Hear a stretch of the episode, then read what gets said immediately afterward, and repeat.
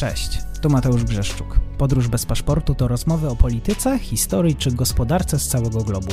Podcast ze świetnymi gośćmi, którzy chcą się podzielić swoją wiedzą. Zapraszam na YouTube, Spotify i inne platformy streamingowe i nie zapomnij o subskrypcji, jeżeli podoba Ci się to, co robię. Od czasu do czasu pozostajemy w granicach kraju. Wtedy zapraszam na wyjątkowy odcinek Podróż po Polsce.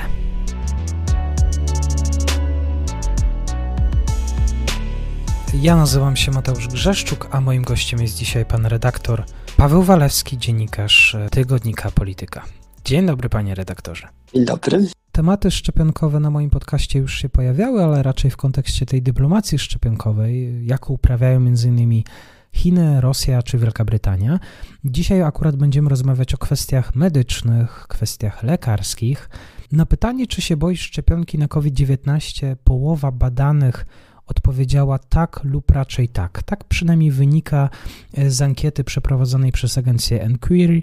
Te badanie e, przybiło się do publikacji medialnych e, w Polsce i wynika z niego, że mamy te obawy i niekoniecznie chcemy ufać szczepionkom. Panie redaktorze, dlaczego zatem Polacy boją się szczepionek?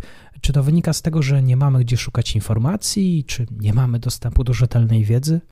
Szczepionka to jest preparat biologiczny i ja myślę, że jeszcze w dalszej części naszej dyskusji wyjaśnimy ten termin y, naszym słuchaczom, ale sądzę, że w tym przede wszystkim mieszczą się wszystkie strachy, które wiele osób wobec szczepionek ma.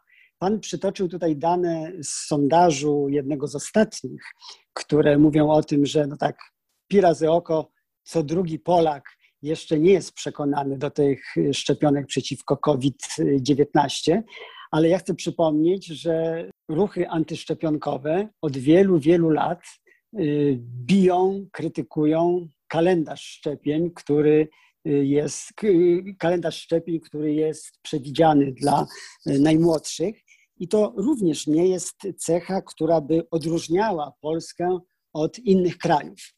Ale koncentrując się na COVID-19, bo jednak rozmawiamy z powodu pandemii, która rocznicę niedawno, niedawno przeżywaliśmy i przeżywamy nadal niestety wraz z trzecią falą, tak zwaną trzecią falą, a więc bardzo gwałtownym wzrostem nowych zachorowań.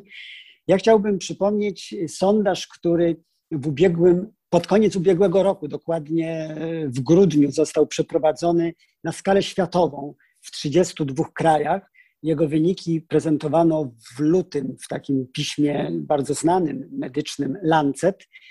I okazało się, że Polska no, w tej chwili z tą 50% sympatią do, do szczepień mieści się no, mniej więcej w połowie stawki, bo kraje, które y, mogą poszczycić się y, największą liczbą, największym odsetkiem sprzymierzeńców szczepień wśród obywateli, to są, proszę sobie wyobrazić, Wietnam, aż 98%, Indie, Chiny po 91%, ale także Korea Południowa, a więc przede wszystkim Azja. Y, z europejskich krajów największą, y, najwięcej zwolenników znaleziono w Danii, bo tam 87% obywateli stwierdziło, że y, no, na pewno zaszczepi się Przypomnę, że ten sondaż był y, przeprowadzany w grudniu, kiedy jeszcze y, nie było w Europie zarejestrowanych y, szczepionek. One w połowie grudnia zostały zarejestrowane po raz pierwszy w Wielkiej Brytanii, potem w Stanach Zjednoczonych i w końcu w Europie. Natomiast wracając do sondażu, na zupełnie innym biegunie i to biegunie, który pokazuje, że sytuacja w tych krajach jest znacznie gorsza niż w Polsce, jeśli chodzi o zgodę na szczepienia. Były Serbia 38%, Chorwacja 41%, ale też Francja z odsetkiem 44%. Także ten problem, na który Pan zwrócił uwagę, a więc takiego no, pół na pół zainteresowania szczepieniami, to jest problem międzynarodowy. Y, co ciekawe, y, w kontekście COVID-19, bo nie oczywiście kalendarza szczepień, który, jak mówiłem, jest y, przewidziany zwłaszcza dla dzieci, dla najmłodszych, dla niemowląt w tych pierwszych latach życia, ale jeśli chodzi o COVID, który jest no, szczepieniem populacyjnym i, i, i masowym, dotyczącym zwłaszcza osób, które są ciężej chore, bo one będą przechodziły zakażenie mm, ciężej, to w starszym pokoleniu to zainteresowanie szczepieniami było deklarowane na znacznie wyższym poziomie w Polsce niż y, wśród młodszych roczników. W związku z powyższym, kiedy do tej pory szczepiono w Polsce y, w ramach Narodowego Programu Szczepień przeciwko COVID-19 właśnie tych najstarszych, no, zgłaszano, zgłaszało się na te szczepienia niemalże 100% tych, którzy zadeklarowali przyjście do przychodni czy do punktu szczepień. Ja myślę, że w miarę obniżania e, wieku osób szczepionych to zainteresowanie będzie mniejsze i zobaczymy, czy kiedy infolinia zostanie uruchomiona właśnie dla tych 30-40-latków, czy również będzie tak bardzo przeciążona, jak e, to było w, pierwszych, w połowie stycznia, a więc przy tych pierwszych zapisach szczepień, kiedy zapisywali się, zapisywali się na nie nasi seniorzy i to ci najstarsi. No, według entuzjastów szczepień y, nieufność wobec szczepionek bierze się po prostu u wielu ludzi stąd, że, że posługujemy się w tej naszej strategii walki z chorobami zakaźnymi czynnikiem wywołującym chorobę. To, co powiedziałem na początku, no to jest preparat biologiczny.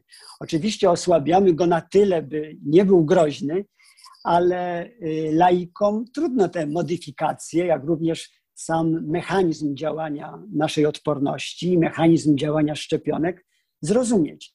Dlatego jest długa historia szczepień, bo przecież INR szczepionkę pierwszą podał w, tysiąc, w, XVIII, w XVIII wieku i to był rok, o ile y, dobrze pamiętam, tak, 1796.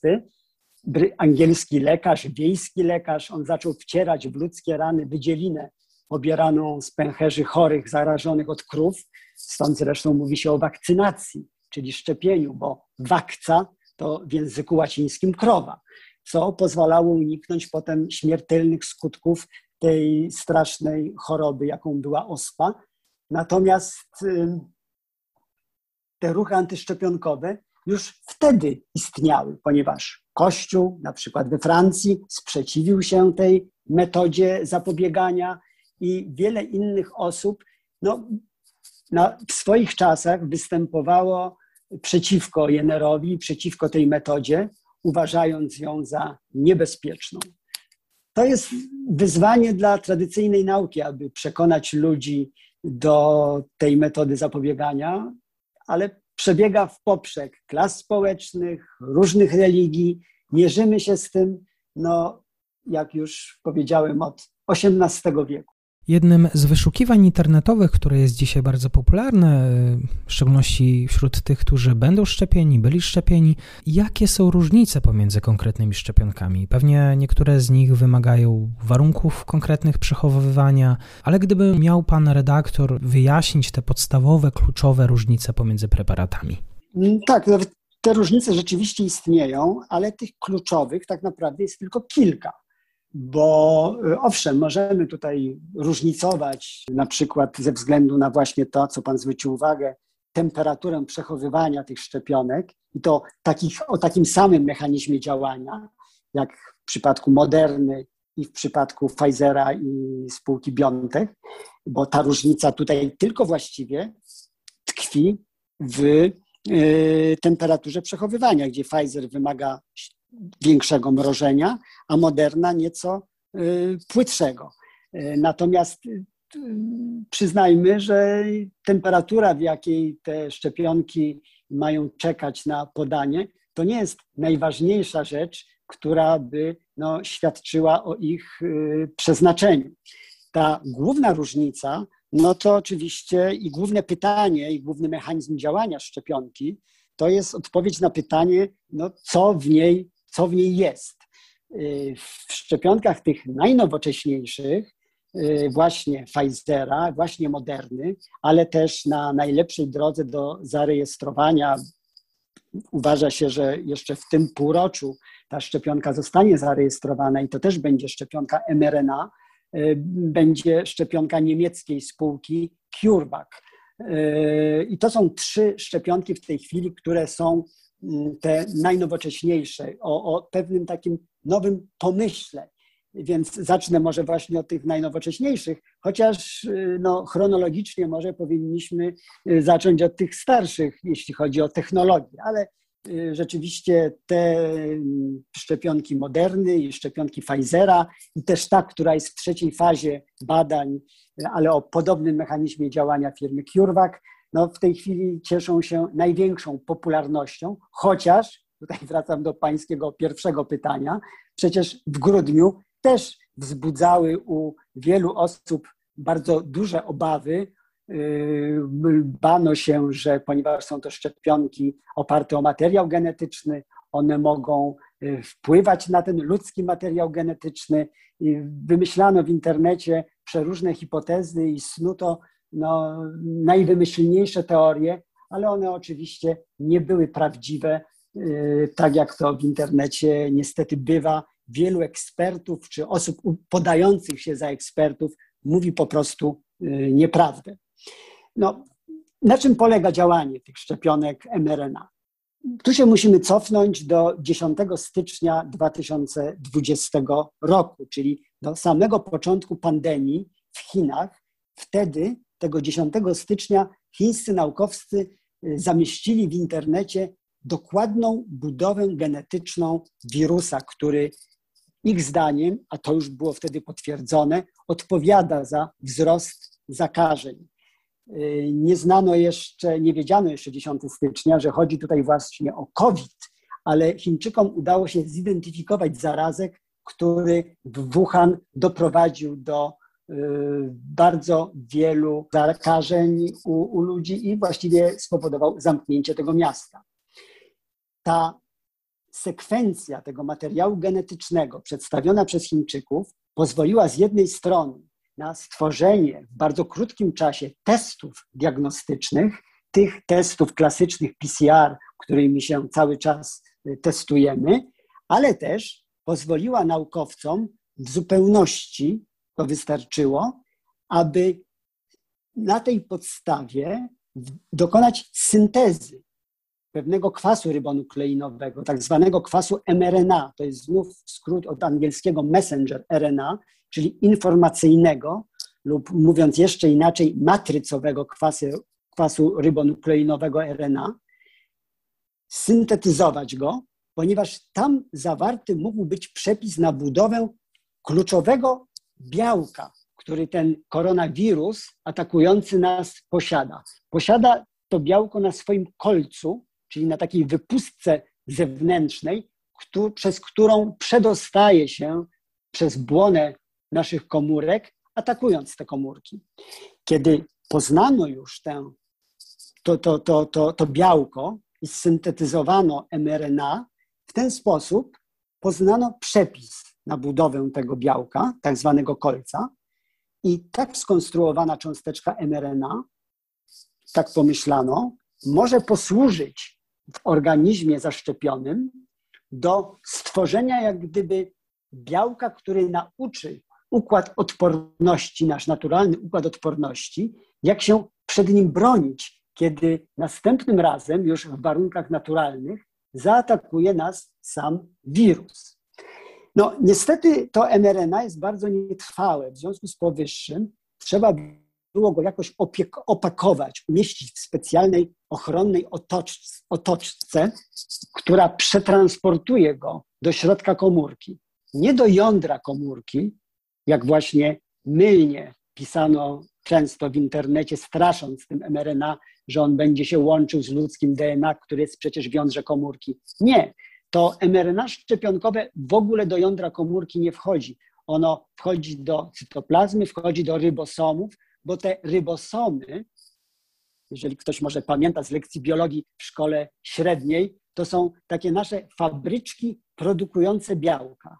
Więc to mRNA opakowane w tej nanocząsteczce, takiej lipidowej, która chroni je przed szybką degradacją, trafia do, trafia do, do komórek i tam w rybosomach następuje produkcja tych właśnie fragmentów koronawirusowych białek z kolców, które następnie przedostają się na zewnątrz komórki, na, na, na jej powierzchnię, aby nasze, przeciw, aby nasze limfocyty mogły je rozpoznawać, aby mogły się tworzyć przeciwciała, po to, żeby one się nauczyły, jak mają reagować w sytuacji, kiedy zaatakuje nas prawdziwy SARS-CoV-2 z prawdziwymi już kolcami, z prawdziwymi białkami w tych kolcach.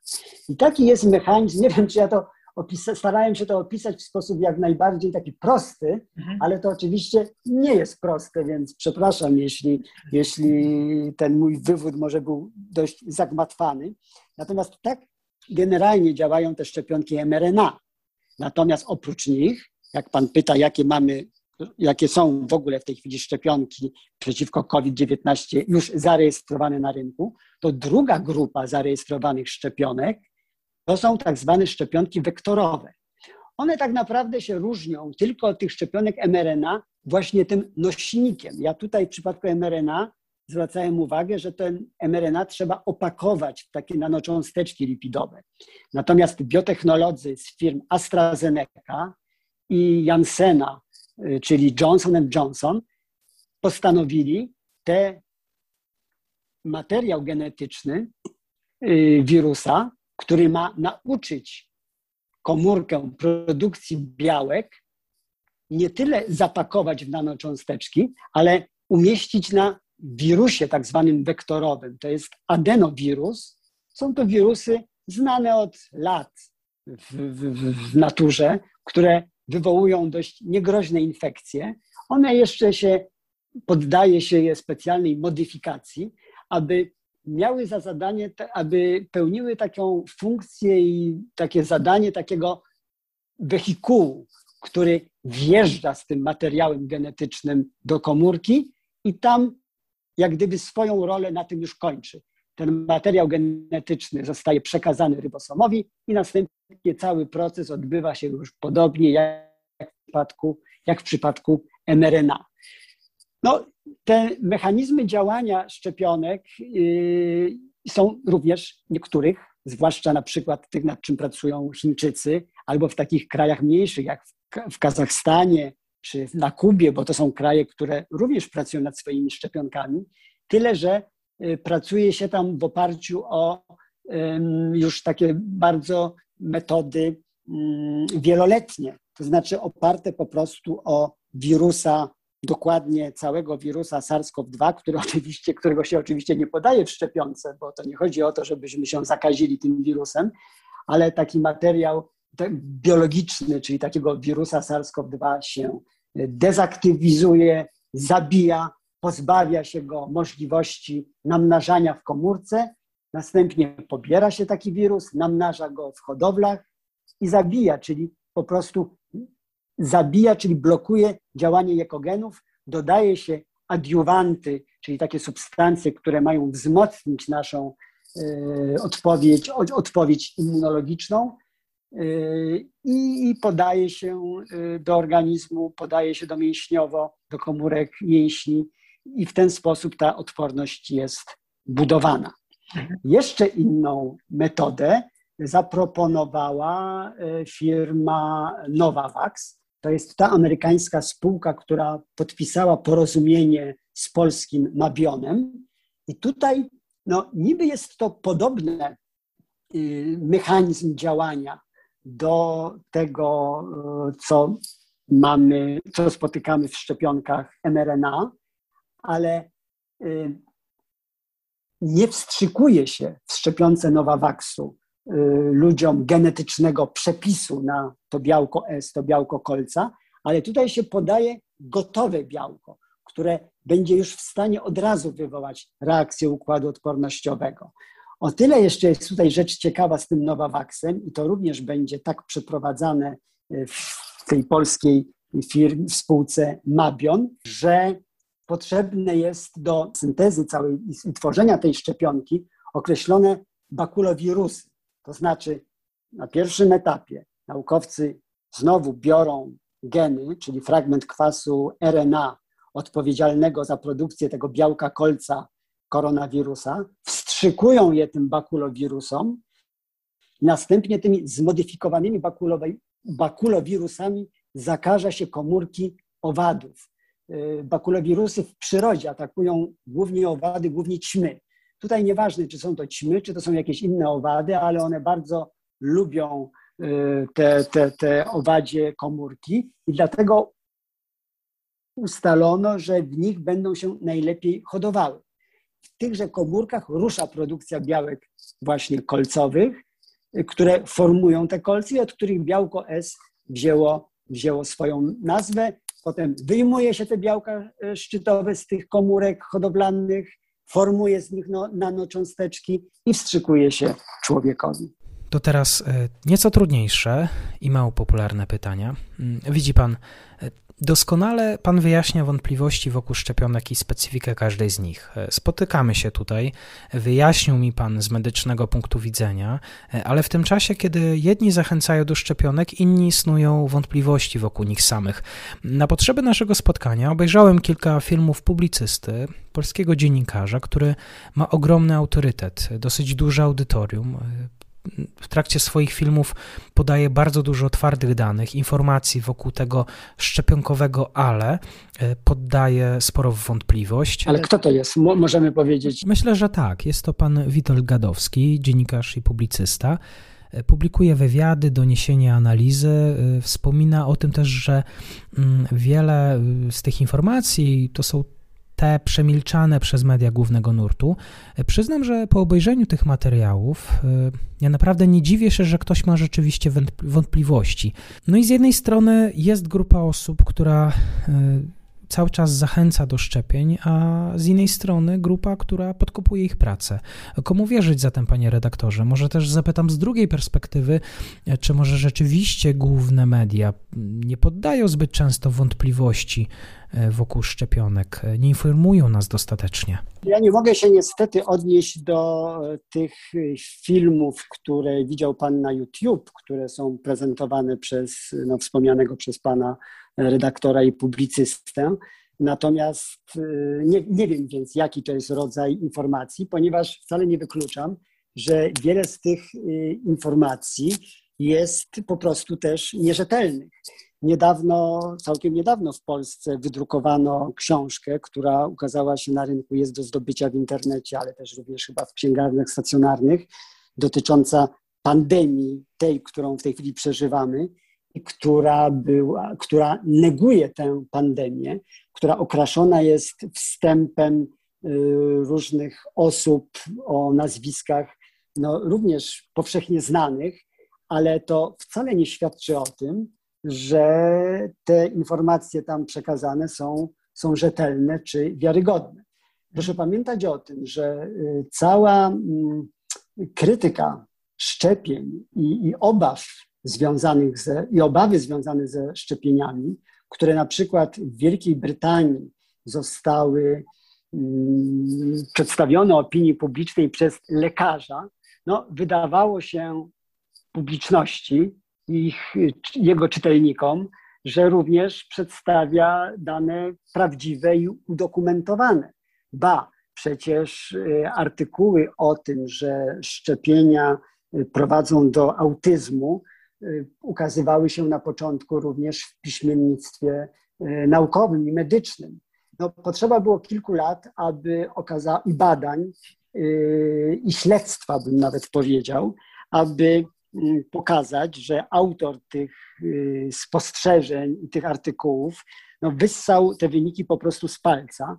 Jemu odebrano tytuł lekarski w Wielkiej Brytanii, musiał salwować się ucieczką do Stanów Zjednoczonych, gdzie zresztą nadal Y, nadal właśnie na kanale YouTube opowiada przeróżne bzdury, a te artykuły, które mm, były publikowane w pismach medycznych, y, redakcje tych gazet musiały ze wstydem wycofać i nawet usunąć ze swoich archiwów. W związku z powyższym, no ja stoję na stanowisku, że to, co jest w internecie, przy całym szacunku dla wielu różnych stron internetowych na YouTubie, czy też różnego rodzaju podcastów, stron na Facebooku, w ogóle w mediach społecznościowych, ja nie daję gwarancji nigdy, że są one wiarygodne i że różnego rodzaju teorie, które tam są przedstawiane przez osoby nie będące naukowcami, przez osoby nie będące lekarzami, że po prostu mówią, mówią prawdę. Niestety tak to jest, że weryfikacja tych informacji zabiera trochę czasu, a bardzo często wielu ludzi zadowala się właśnie jakimś krótkim filmem albo szybkim, y, zwięzłym i atrakcyjnym komentarzem, mhm. natomiast nie starcza już ani ochoty, ani czasu na to, aby poszperać w literaturze, czy w jakimś piśmiennictwie bardziej wiarygodnym, czy rzeczywiście przedstawiane e, z takimi fajerwerkami prawdy o właśnie szczepionkach, o różnych lekach, o różnych metodach terapeutycznych, e, że są prawdziwe. To teraz drugie pytanie. E, pan Gadowski, ale również inni dziennikarze, którzy kreują się na tych niezależnych, poddających wiarygodne... Przepraszam, że panu wejdę w słowo. To jeżeli ja słyszę, że właśnie ktoś na wybija jak gdyby w internecie, na swojej stronie czy na swoim kanale na YouTube, że ja jestem niezależnym dziennikarzem, więc mnie słuchajcie ja tutaj objawiam prawdę, to zawsze włącza mi się z tyłu taka czerwona lampka, bo jednak y, ta niezależność ma swoje granice i kiedy ktoś uważa, że to jest jedyny jego y, paszport, jego przepustka do tego, aby mówić dyrdymały, no to ja wobec tego e, postaw stanowczo, stanowczo protestuję. No właśnie. E, no właśnie po to jesteśmy, żeby parę rzeczy sobie tutaj powiedzieć. E, I tu pytanie do Pana. E, ci właśnie dziennikarze publikują dane na temat powiązań samego przemysłu farmaceutycznego ze światem nauki. Mm, nie wiem, jak duży jest to problem, czy jest to problem, ale wiadomo też, że do produkcji leków innowacyjnych potrzebni są ci naukowcy, potrzebna jest ta wiedza profesorska. E, krytycy mówią, że ci, którzy decydują o wyborach szczepionek, są sędziami w własnej sprawie.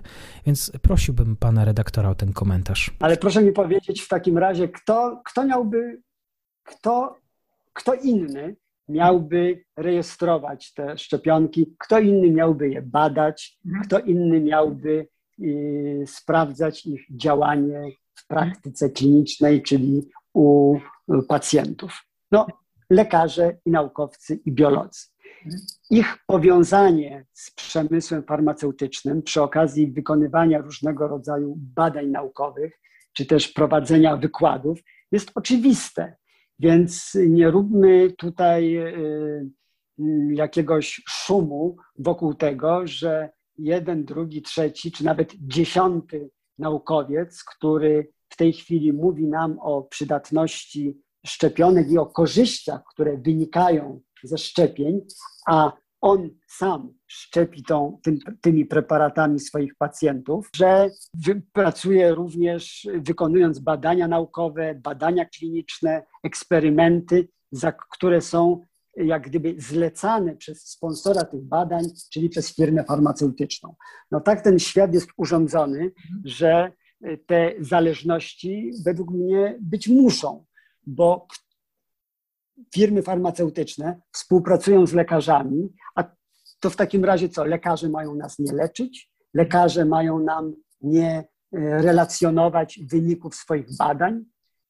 Kto w takim razie, jak nie lekarze, czy kto spoza tego kręgu naukowego miałby to robić? No właśnie, robią to celebryci, robią to przeróżni blogerzy, robią to publicyści, którzy bardzo często o medycynie nie mają pojęcia i szczycą się tą swoją niezależnością.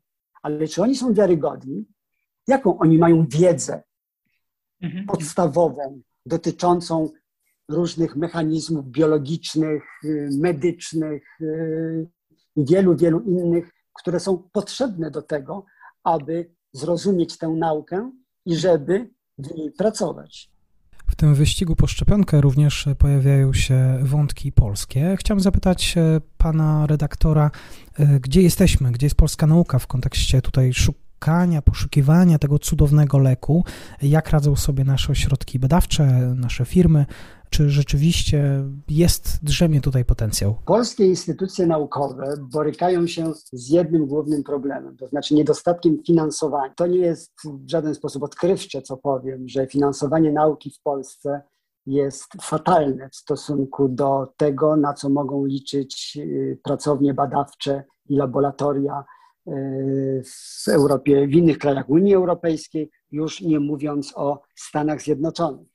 Ale i tak proszę sobie wyobrazić, że na przykład w dziedzinie mRNA jesteśmy y, krajem, który może się pochwalić przynajmniej kilkoma bardzo dobrymi zespo zespołami naukowymi, y, które od wielu już lat nad tym, że mRNA, to jest ten matrycowy kwas rybonukleinowy, pracowały i pracują nadal. Mają swoje patenty. Zespół pana profesora Jemility już y, ładnych kilka lat temu stworzył jak gdyby takie prototypy, które firma Biontek y, zakupiła i na których bazie y, ta obecna szczepionka mogła, mogła powstać. Y, powiedziałem kilka lat temu, a to nawet kilkanaście lat temu już było, bo to też była jedna z krytyk tych szczepionek mRNA, że powstały w krótkim czasie. Otóż wcale nie. Szczepionki mRNA eksperymentalne próbowano wykorzystać przy pierwszej pandemii SARS w 2003 roku w Azji, ale tam ta pandemia dość nieoczekiwanie szybko się skończyła. Skończyło się finansowanie, no i te szczepionki nomen omen mRNA włożono do zamrażalki, wyjęto teraz yy, i, i, i je można było już po kilku miesiącach zacząć podawać ludziom w badaniach klinicznych. Ale wracając do tego naszego polskiego podwórka, to yy, rzeczywiście byłoby znacznie lepiej i bylibyśmy znacznie dalej y, w peletonie różnych krajów, które w tej chwili prowadzą zaawansowane badania nad koronawirusem, nad testami, nad różnego rodzaju metodami leczenia COVID-u, gdyby w Polsce biotechnologia no, była bardziej dopieszczana przez, przez władze, y, nie tyle nawet dopieszczana, co po prostu wyceniana na tyle, ile waży. To znaczy, Y, ja wciąż obserwuję y, w rządzie myślenie bardziej doraźne. To znaczy, dzisiaj będziemy budowali port, centralny port lot, lotniczy, będziemy dzisiaj przekopywali Mierzeję Wiślaną, będziemy dzisiaj wydawali 70 milionów złotych na nieodbyte wybory, a w przypadku finansowania nauki jest to no, działalność, można powiedzieć, która nie opłaca się już teraz, ale która może zaowocować za kilka, za kilkanaście lat. Niestety takiego perspektywicznego myślenia w Polsce bardzo brakuje i gdybyśmy w tę biotechnologię zainwestowali y, właśnie kilkanaście lat temu, wielu fantastycznych naukowców, młodych naukowców nie wyjeżdżałoby po studiach i po Y, swoich kilkuletniej przygodzie w laboratoriach polskich za granicę, gdzie otrzymują znacznie wyższe granty, gdzie y, mogą pochwalić się publikacjami w y, najlepszych tytułach naukowych, tylko właśnie mielibyśmy, je, mielibyśmy ich u siebie. Mhm. A ta nauka jest wciąż wciąż y, kopciuszkiem budżetu państwa. Myślę, że może obudzi ta pandemia niektórych decydentów. Owszem, w ubiegłym roku powstała Agencja Badań Medycznych, która ma finansować tak zwane badania niekomercyjne, właśnie po to, żeby uniezależnić część naukowców od sponsorów y, i, spółek prywatnych na ile to się uda, zobaczymy. Czyli polska nauka, polska biotechnologia, polskie firmy naprawdę mają potencjał. Absolutnie tak, absolutnie tak. Panie redaktorze, dziękuję panu za te obalanie mitów, za pana wiedzę. Mam nadzieję, że to nie nasze ostatnie spotkanie. Ta rzeczywistość naukowa, medyczna, szczepionkowa pewnie pozostanie z nami na długo, więc i będzie okazja, żeby porozmawiać ponownie. Dziękuję panu bardzo. Moim gościem był pan Paweł Walewski, dziennikarz tygodnika Polityka. Bardzo proszę, bardzo mi było miło. Dziękuję Państwu.